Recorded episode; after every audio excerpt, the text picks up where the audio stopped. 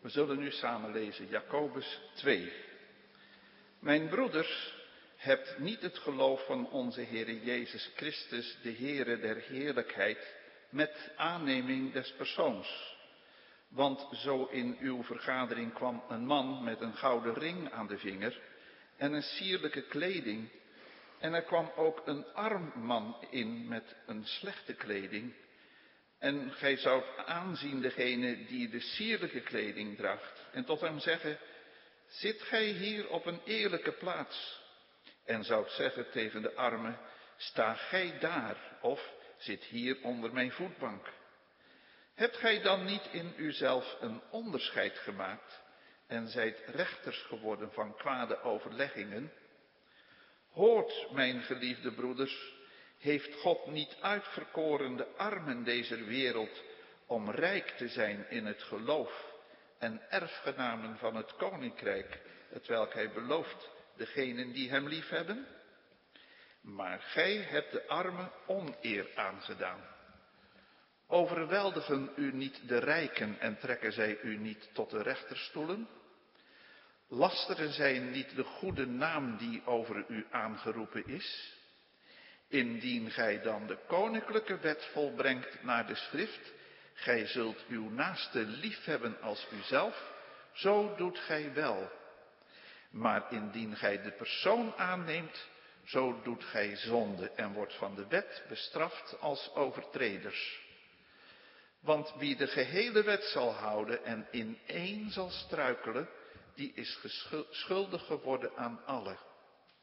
Want die gezegd heeft, gij zult geen overspel doen, die heeft ook gezegd, gij zult niet doden. Indien gij nu geen overspel doet, maar zult doden, zo zijt, zijt gij een overtreder der wet geworden. Spreekt alzo en doet alzo, als die door de wet der vrijheid zult geoordeeld worden. Want een onbarmhartig oordeel zal gaan over degene die geen barmhartigheid gedaan heeft, en de barmhartigheid roemt tegen het oordeel. Wat nuttigheid is het, mijn broeders, Indien iemand zegt dat hij het geloof heeft en heeft de werken niet, kan dat geloof hem zalig maken? Indien er nu een broeder of zuster naakt zou zouden zijn en gebrek zouden hebben van dagelijks voedsel, en indien en iemand van u tot hen zou zeggen, ga heen in vrede, word warm en word verzadigd.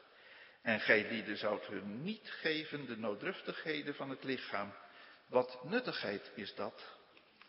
Alzo ook het geloof, indien het de werken niet heeft, is bij zichzelf dood. Maar, zal iemand zeggen, gij hebt het geloof en ik heb de werken.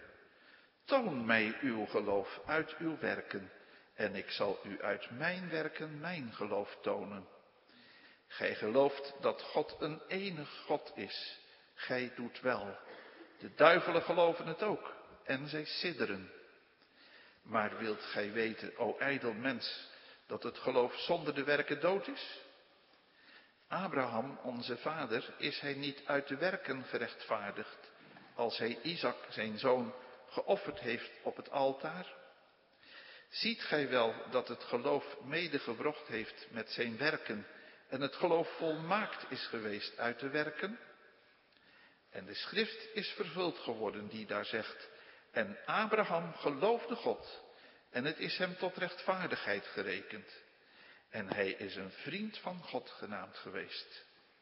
Ziet gij dan niet, ziet gij dan nu dat een mens uit de werken gerechtvaardigd wordt en niet alleen uit het geloof?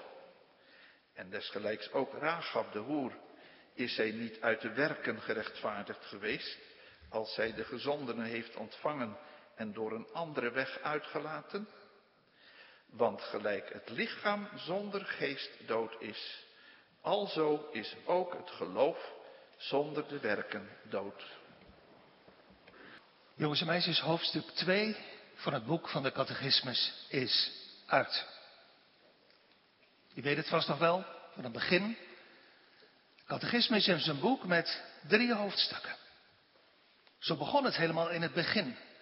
Drie stukken zijn nodig om te weten, om te kennen, om bevindelijk te kennen met je hart.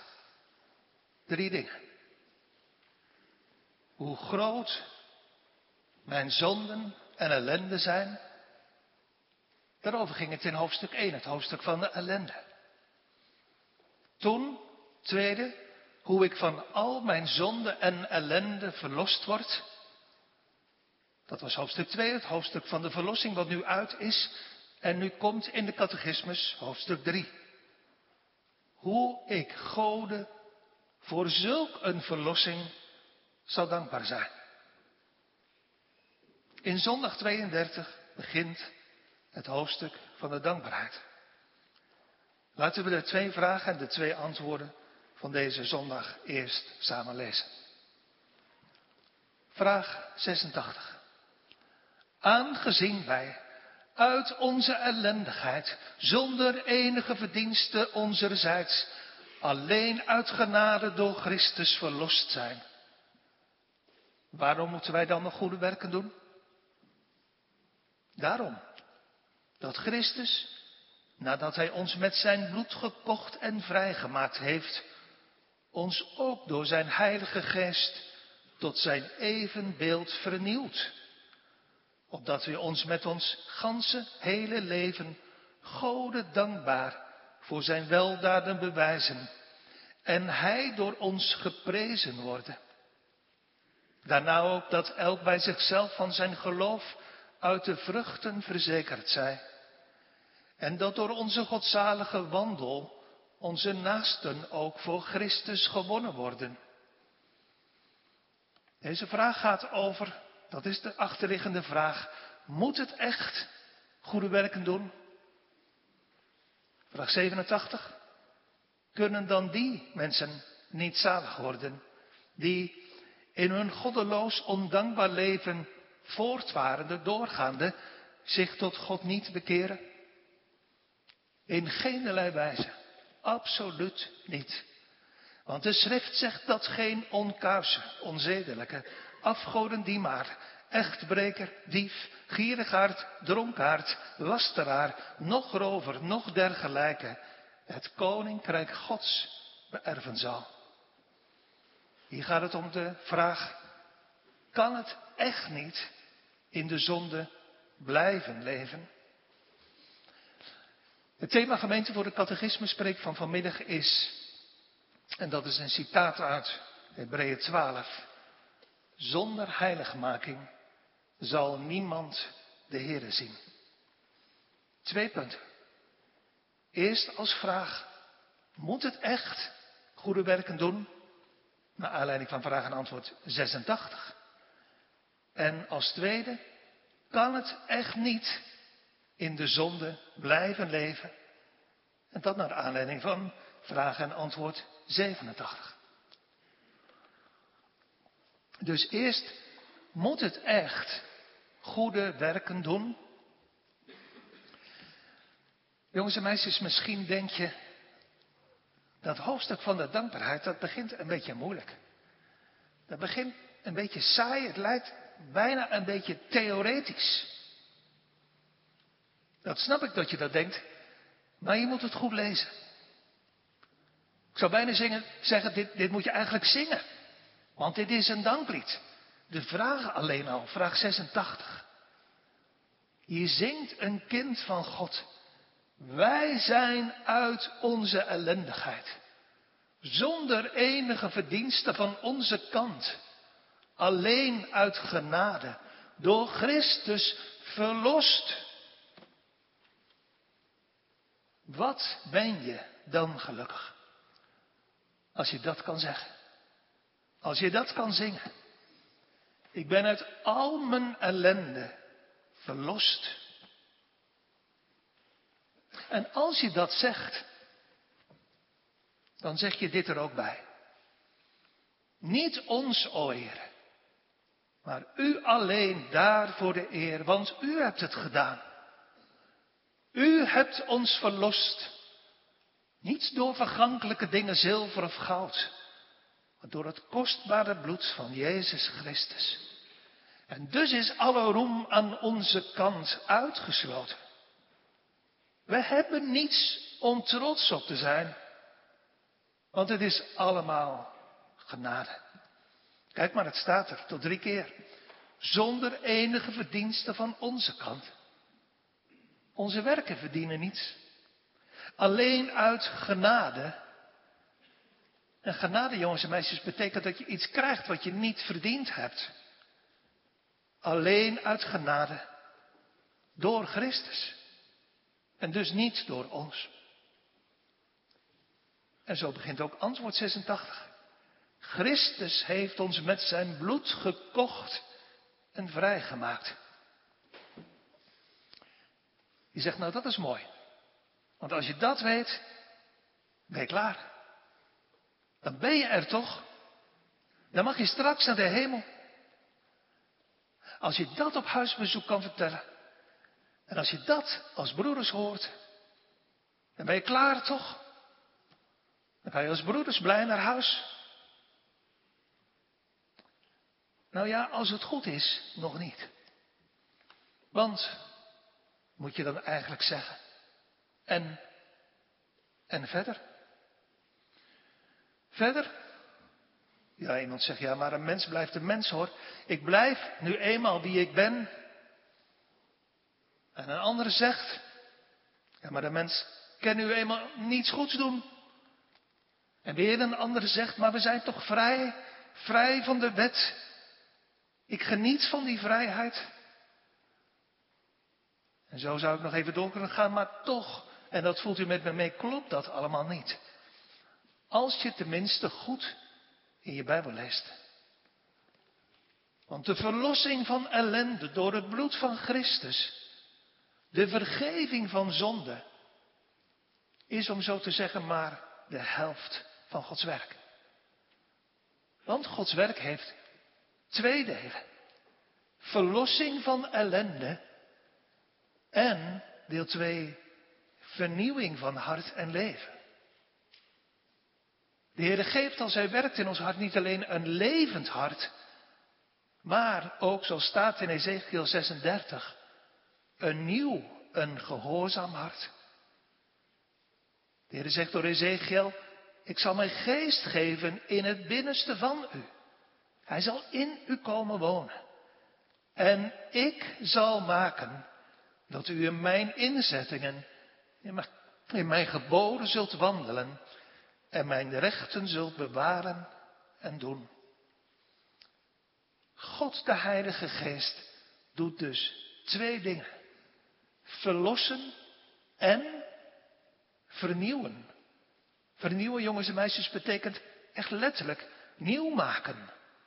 Gehoorzaam maken. De catechismus vraagt, waarom moet een kind van God goede werken doen? Die verdienen toch niet?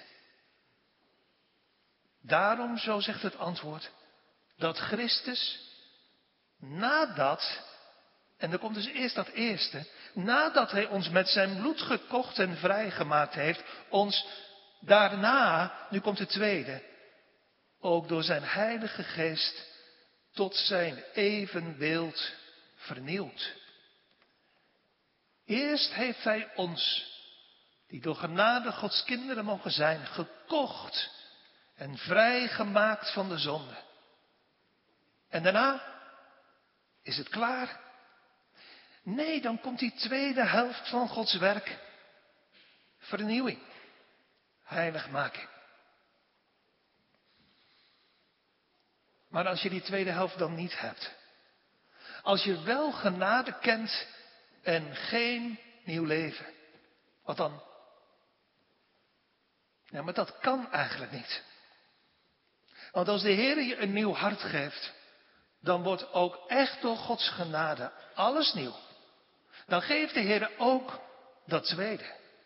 Dat ene kan gewoon niet zonder het andere. De apostel zegt, Hebreeën 12. Jaag de vrede na en de heiligmaking, zonder welke niemand de Heere zien zal. Zonder dat tweede Dat geldt ook het eerste. Maar ook zonder heiligmaking, zonder vernieuwing van leven, zonder nieuwe gehoorzaamheid, komt geen mens in de hemel. Kinderen van God, geliefde mede-christenen, we worden geroepen tot een nieuw leven.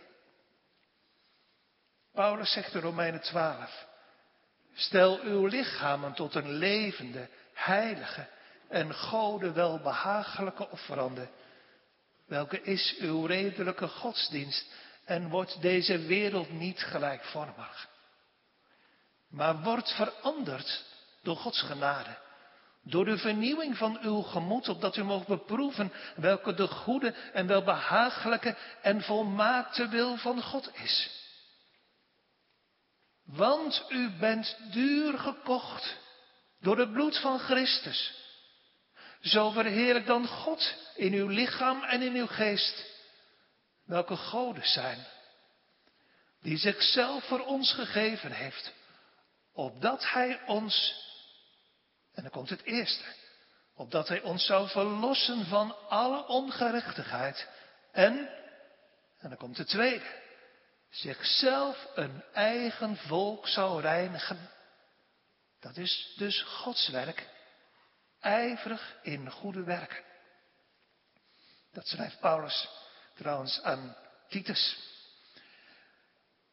Je zegt jongens en meisjes, maar hoe is dat dan? Wat, wat gebeurt er dan als als God ons hart, en uit dat hart komt alles, dus ook als God ons leven nieuw maakt. De catechismus zegt, dan word je, als je kind van de Heer mag zijn, tot zijn evenbeeld vernieuwd. Dan word je nieuw gemaakt naar het beeld van de Heer Jezus Christus. Dan ga je, simpel gezegd, lijken op de Heer Jezus. Een oprecht christen leidt door Gods genade. In beginsel nog vol gebreken, maar wel op Christus. Want als God in je leven werkt, dan immers leert de Heer je net als Maria stil luisteren aan zijn voeten. Naar zijn hemelse onderwijs dan leer je aan de voeten van de Heer Jezus Christus vanuit het woord, waar de bron ligt, waar het begin ligt van alle vernieuwing. Als de Heer tegen je zegt, zonder mij kunt u niets doen. Eigen krachten verachten, dat wordt in Jezus school aan Jezus voeten geleerd. Dan leer je wat de Heer zegt tegen je. Leer het van mij. Dat ik zachtmoedig ben en nederig van hart. Dan leer je door de Heer, jongens en meisjes, iets van het beeld van hoe de Heer Jezus is, van het beeld van Christus vertonen. Dat wil zeggen dat je meer en meer gaat op Hem, die heilig was, zonder zonde. En die altijd dag en nacht de wil van zijn vader deed. Hoe gaat je leven er dan uitzien? En net als zijn leven. Hoe was zijn leven dan? Heer Jezus was nederig. Wars van alle hoogmoed en trots. Hij waste de voeten van zijn discipelen. Hij heeft, zo zegt Paulus tegen de gemeente van Filippi, de gestalte van een dienstknecht, van een slaaf aangenomen. Dan word je dus ook zelf. Dat is geen eigen prestatie. Dat is Gods vernieuwende werk in het hart. Dan word je dus ook zelf nederig en klein. Iemand die buigt. Hoe was Christus? Hoe was zijn leven? Hij was innerlijk met ontferming bewogen. Met verloren zondaars. Zelf was hij oneindig veel beter dan zij. Maar hij stootte ze niet af. Dan krijg je ook zelf liefde tot zondaars. Dan wijs je een ander niet af omdat je, omdat je vindt dat hij of zij zo slecht is. Maar dan zoek je het behoud van de mensen om je heen. Hoe was zijn leven? Hij had zelfs zijn vijanden lief. En als dat persoonlijk je redding geworden is, de liefde van Christus voor de vijanden, dan gaat het toch ook echt, hoe dan ook, iets veranderen in je eigen levenshouding. Toch? Dan luister je ineens anders naar de opdracht. Heb uw vijanden lief. En doet wel, doe goed aan degenen die u haten. Hoe was zijn leven, het leven van Christus? Als hij gescholden werd, schold hij niet terug. Als hij leed, dreigde hij niet. Als de Heer werkt in je hart, ga je. Stapje voor stapje. Niet met grote sprongen vooruit. Stapje voor stapje, want er moet veel weerstand in ons hart overwonnen worden. En het blijft altijd ten dele. En het is geen prestatie van ons.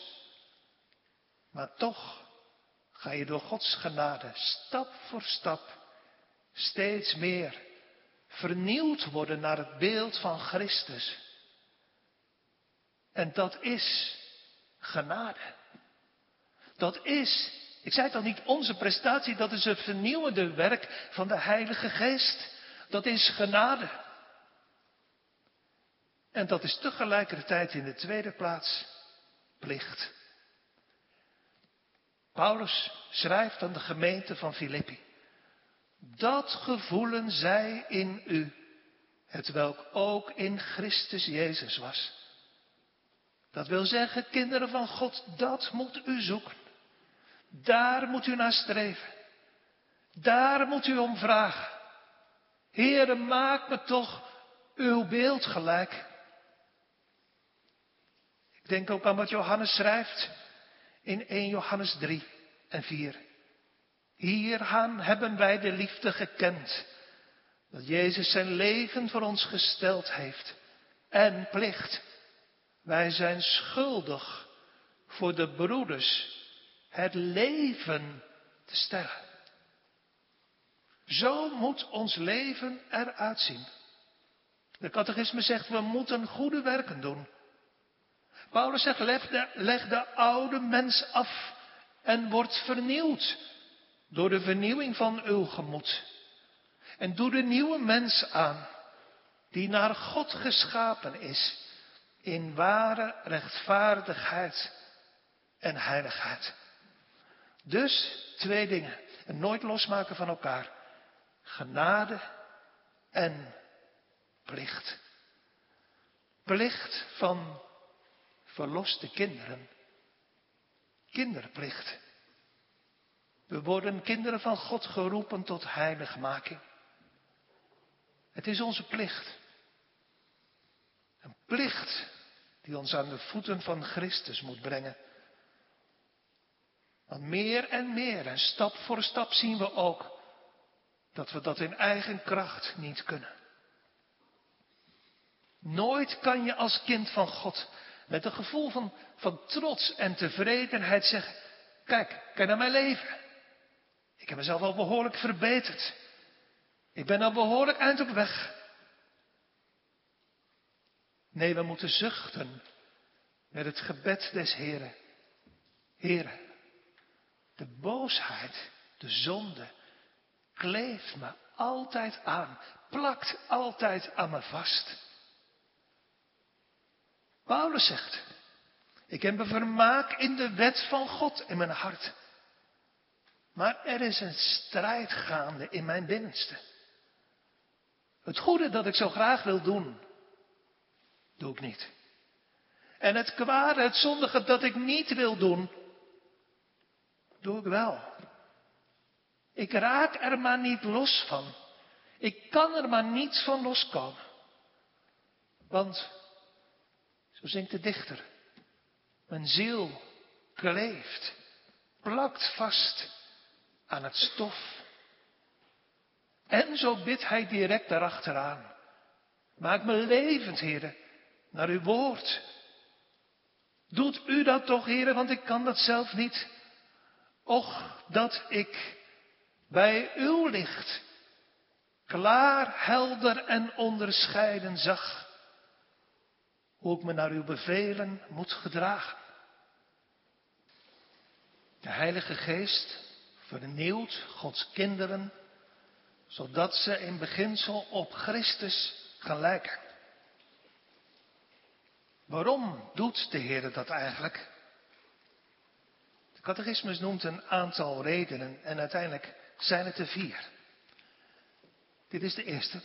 Opdat wij, zegt de catechismus, ons met ons ganse leven Gode dankbaar voor zijn weldaden bewijzen. Lastige zin. Een lastige zin die je goed moet lezen, want er staat niet dat ik aan God mijn dankbaarheid zal bewijzen. Dus niet mijn dankbaarheid. Oh, die zal ik wel even bewijzen. Die zal ik wel even laten zien. Want dat voelt toch een beetje als hoe vrijmoediger je halleluja, lof en dank roept, hoe beter je presteert, hoe meer bewijs je levert. Maar er staat iets anders. We bewijzen ons met heel ons leven voor God dankbaar. De catechismus wil zeggen, ons hele leven, met alle delen en alle aspecten, moet één offer zijn. Eén dankoffer voor God. Ons leven, ons hele leven, een dankoffer.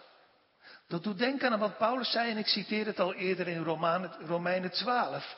Ik bid u dan, broeders, en daar horen de zusters bij, door de ontfermingen Gods, dat u uw lichamen stelt tot een levende, heilige en Gode welbehagelijke offeranden.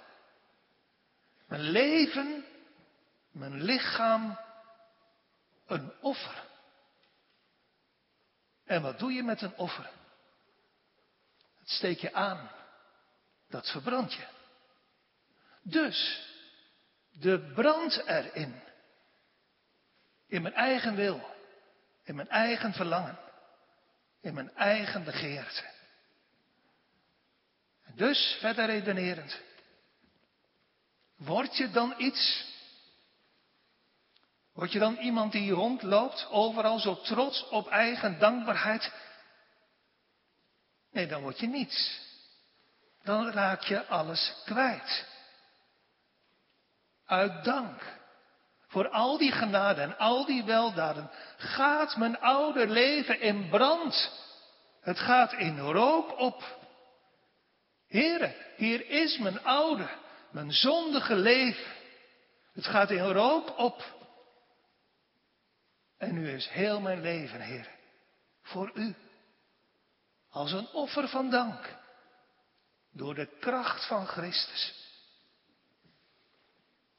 Waarom moeten we goede werken doen? Dat is de vraag. Wat is het doel van de Heer bij de vernieuwing van ons hart? Het eerste doel, opdat we ons met heel ons leven God dankbaar bewijzen. En tweede doel, dat Hij door ons geprezen wordt. God moet geprezen worden. Hoe? Door onze woorden, door ons getuigen. Nee, vooral door vruchten, door goede werken. Jongens en meisjes, je mag best wel eens aan een kind van de Heer vragen. Doe het maar vandaag. Vertel eens, Welke goede werken doet u allemaal? Mag je best vragen. Maar waarschijnlijk krijg je geen lange lijst van goede werken. Ik denk eerlijk gezegd dat je een beetje een voorzichtig antwoord krijgt. Jongen, meisje, ik wil wel graag goede werken doen, maar om eerlijk te zijn, ik doe nog zoveel zonde. Is dat een verkeerd antwoord? Is dat de verkeerde houding? Misschien denkt u, maar je mag toch vrijmoedig erover vertellen.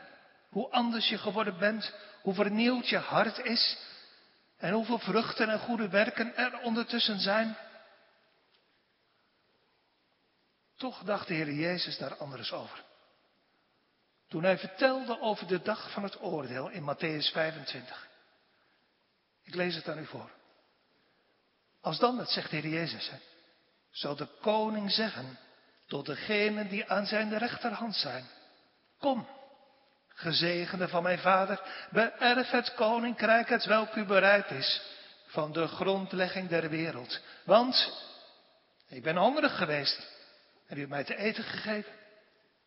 Ik ben dorstig geweest en u hebt mij te drinken gegeven. Ik ben een vreemdeling geweest en u hebt mij geherbergd. Ik was naakt en u hebt mij gekleed. Ik ben krankziek geweest en u hebt mij bezocht. Ik was in de gevangenis en u bent tot mij gekomen. Allemaal goede werken.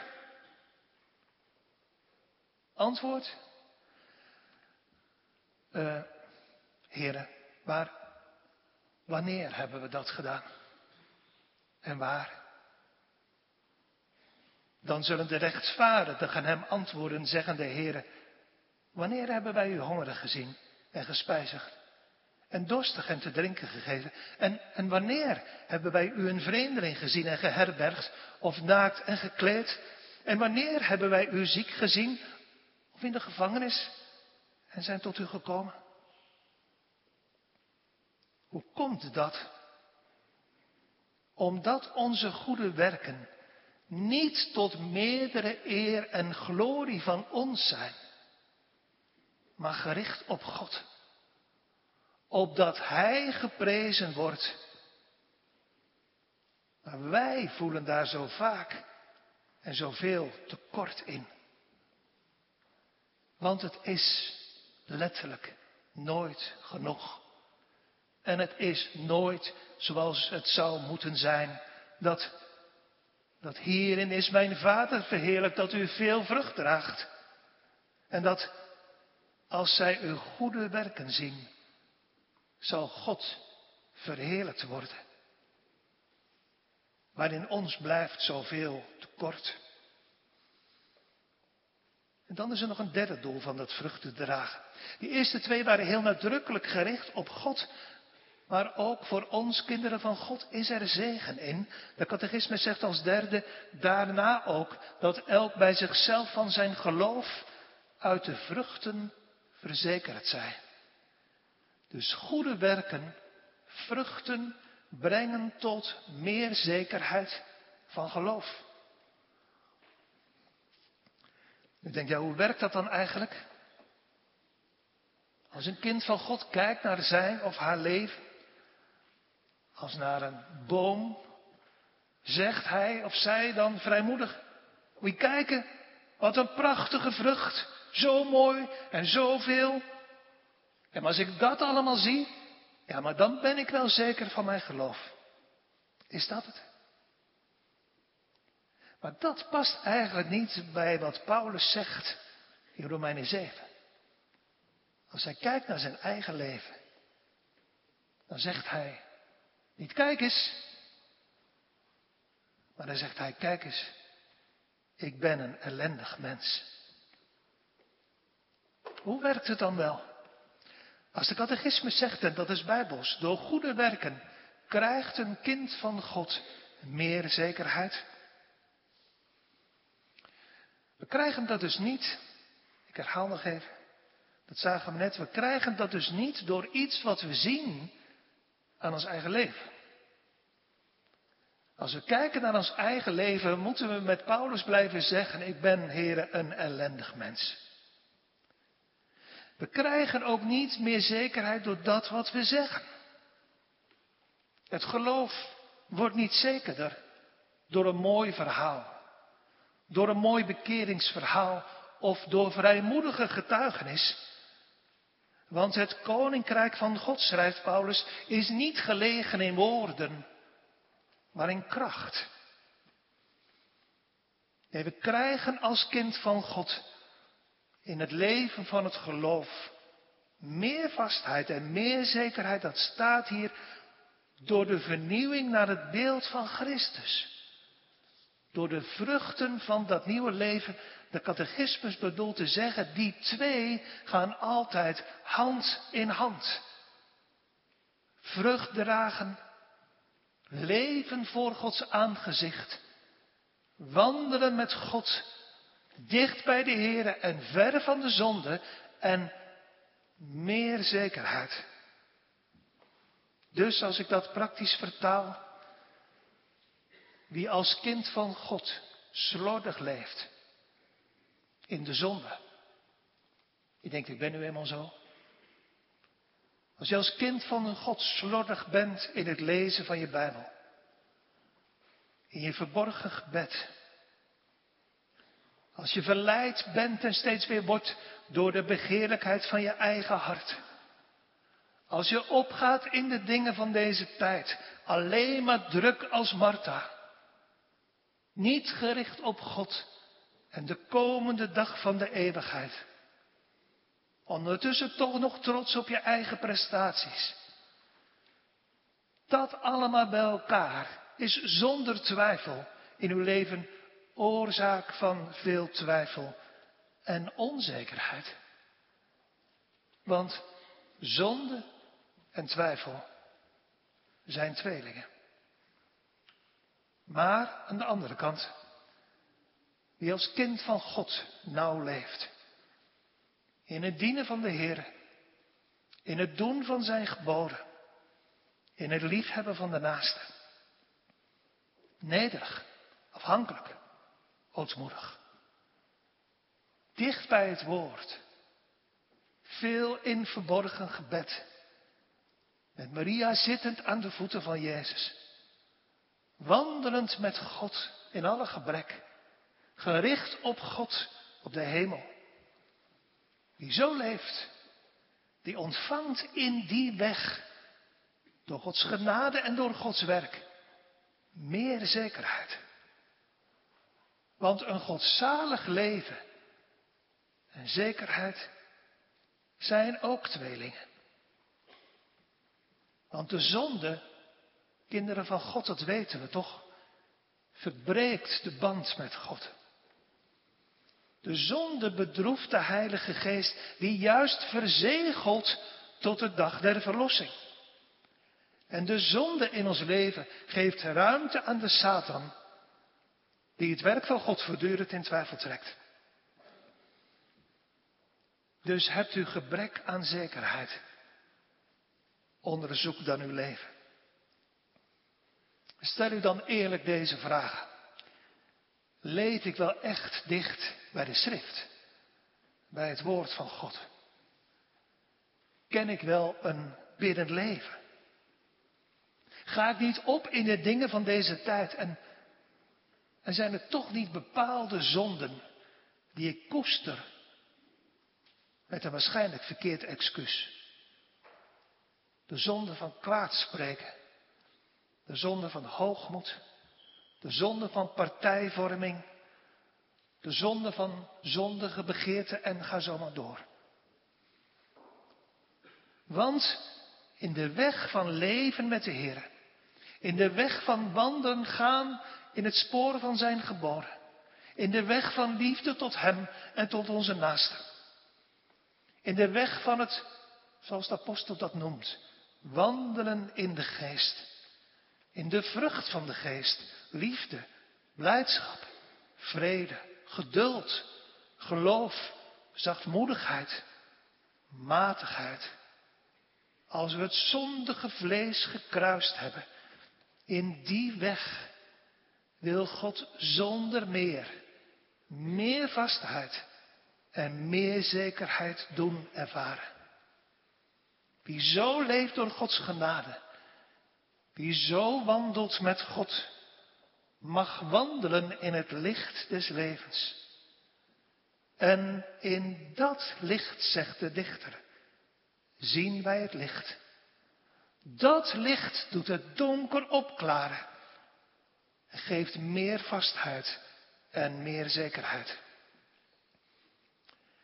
En wie zo wandelt in het spoor van Gods geboden, en in het licht van de Heere die mag en die kan dat licht ook weer doorspiegelen weerkaatsen en daarmee op anderen schijnen. En dat is het vierde wat de catechismus noemt, dat door onze godzalige wandel onze naasten ook voor Christus gewonnen worden. Onze naasten winnen voor Christus. Dat is dus duidelijk, niet voor ons, maar voor Hem. Door, ja, want daar zijn denk ik nogal wat misvattingen over. Door overal vrijmoedig te getuigen en vrij over Jezus te vertellen. Ja, maar wacht eens, hoe ging dat in de eerste christengemeente? Hoe werden toen, en dat is een voorbeeld voor nu, mensen voor Christus gewonnen? Twee voorbeelden. Iedereen kende haar in Joppe, Tabitha. Want ze vertelde zoveel over. Nee, er staat in Handelingen 9. Deze was, dan komt het, vol van goede werken en aalmoezen, giften die zij deed. Ze zorgde voor armen, voor de zieken, voor de weduwen, voor de verachten. En dat maakte haar bekend als een echte christin. Tweede voorbeeld. Iedereen kende hem in Caesarea. De Romeinse beroepsmilitair Cornelius. Want, om wat hij zei, hij deed veel aalmoezen en gaf geld aan armen, aan het volk. Was een godzalig man en vreesde God. En was een man van gebed.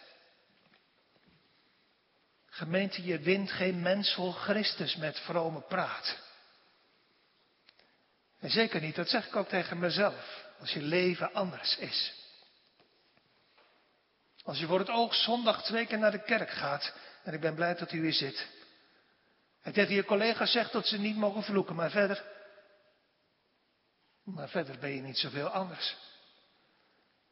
Je bent ook op de hoogte van de laatste sportuitslagen. Je houdt ook wel van een stevig potje drinken. Je houdt ook wel van een roddelverhaal. Van een slecht verhaal, van een smerige grap. Maar zondags, strak in je pak, gezicht in de plooi. Jacobus zegt, toon me uw geloof uit uw werken. En je bent je naaste ook niet door een slap verhaal. Jezus houdt van mij en ik hou van Jezus. En Jezus houdt ook van jou. Nee, maar je wint je naaste wel. God zij dank met een dankbaar leven. Gericht op God en vol van liefde voor de anderen. Wie het ook is. Vol van onbaatzuchtige liefde. Vol van zelfopofferende liefde. Zonder eigen liefde Kortom, zoals Christus lief had. Met zichtbare zorg en bewogenheid. Voor armen, ook in deze tijd. Voor verschoppelingen. Voor mensen die met de nek worden aangekeken. Voor weduwen. Voor vluchtelingen. Voor moslims. Wie dat ziet met zijn ogen. Wie iets van Christus aan ons leven ziet, dat is niet van onszelf. Dat is zijn beeld dat Hij in ons herschapen heeft. Zulke mensen, die worden door voor Hem gewonnen. En dus gemeente mag onze bede wel zijn. O Zoon, maak ons uw beeld gelijk. Opdat ook in Capelle Bieselingen meer mensen voor Christus gewonnen worden. Maar, nog heel kort, ons tweede punt. Kan het echt niet dat je gewoon in de zonde blijft leven? Vraag 87, kunnen dan die mensen niet zalig worden die in hun goddeloze en ondankbare leven doorgaan, voortvarende, zich tot God niet bekeren? Absoluut niet. In geen wijze. Want de schrift zegt dat geen zedeloze, geen onkuize, geen afgodendienaar, echtbreker, dief, gierigaard, dronkaard, lasteraar, rover, nog dergelijke Zo iemand zal het koninkrijk van God niet beërven. Eerst maar even samen kijken naar wat er niet staat. Er staat niet dat zondaars niet zalig kunnen worden. Want geliefde gemeente, de hemel is vol van geredde, gewassen en vernieuwde zondaars. Dit is ook niet bedoeld om zondaars hier in de kerk wanhopig en moedeloos te maken. U die leeft, en ik kijk niemand persoonlijk aan, maar ik zeg het wel. U die leeft in vloeken. In het ontheiligen van de zondag. In haat, in nijd, in een onzedig leven, in overspel, in geroddel, in leugen en bedrog. Lieve mensen, u kunt zalig worden. Verlaat de slechtheid en leef en treed in de weg van het verstand en bekeer u tot God, want Hij vergeeft menigvuldig. Dit is ook niet bedoeld in de derde plaats om, en ik citeer het avondmaalsformulier, om de verslagen harten van de kleingelovigen moedeloos te maken. Alsof iemand van ons zonder enige zonde was. Maar dit is bedoeld om ons, kinderen van God, ernstig te waarschuwen.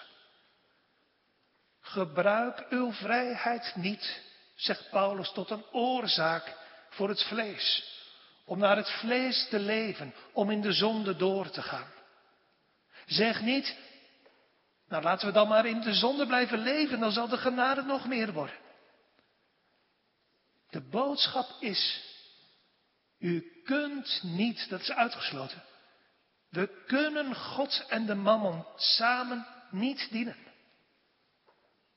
Indien u, zegt Paulus, naar het vlees leeft, als u leeft in de zonde en daarmee doorgaat, dan zult u sterven. Want de landman verwacht kostelijke vrucht van zijn land. Tot slot. Hebt u een oprecht en ernstig verlangen om voor God te leven? Maar moet u klagen en klaagt u over dagelijks struikelen in velen, zoals Jacobus zegt in Jacobus 3. Luister dan als laatste nog naar de troostvolle woorden uit de Dordtse leerregels hoofdstuk 5, artikel 2. Dagelijks, zo schrijven onze vaders, hebben we te strijden. Het is een gevecht. We hebben te strijden tegen de zonden van onze zwakheid. En ook aan de allerbeste werken van de heiligen kleven gebreken. Dit geeft ons gestadige oorzaak. Dat wil zeggen, dit is voortdurende reden voor ons om ons voor God te verootmoedigen. Om onze toevlucht te nemen tot de gekruisigde Christus. Om het vlees hoe langer hoe meer door de geest van het gebed en de heilige oefeningen van Gods vruchtigheid te doden. En naar het eindperk van de volmaaktheid te zuchten. Totdat wij van dit lichaam des doods ontbonden zijnde met het lam van God in de hemelen zullen regeren. Amen. Laten we samen eindigen. O Vader, dat uw liefde ons blijk. O Zoon, maak ons uw beeld gelijk. O Geest, zend uw troost ons neer. Drie enige God, u zij alle eer. Amen.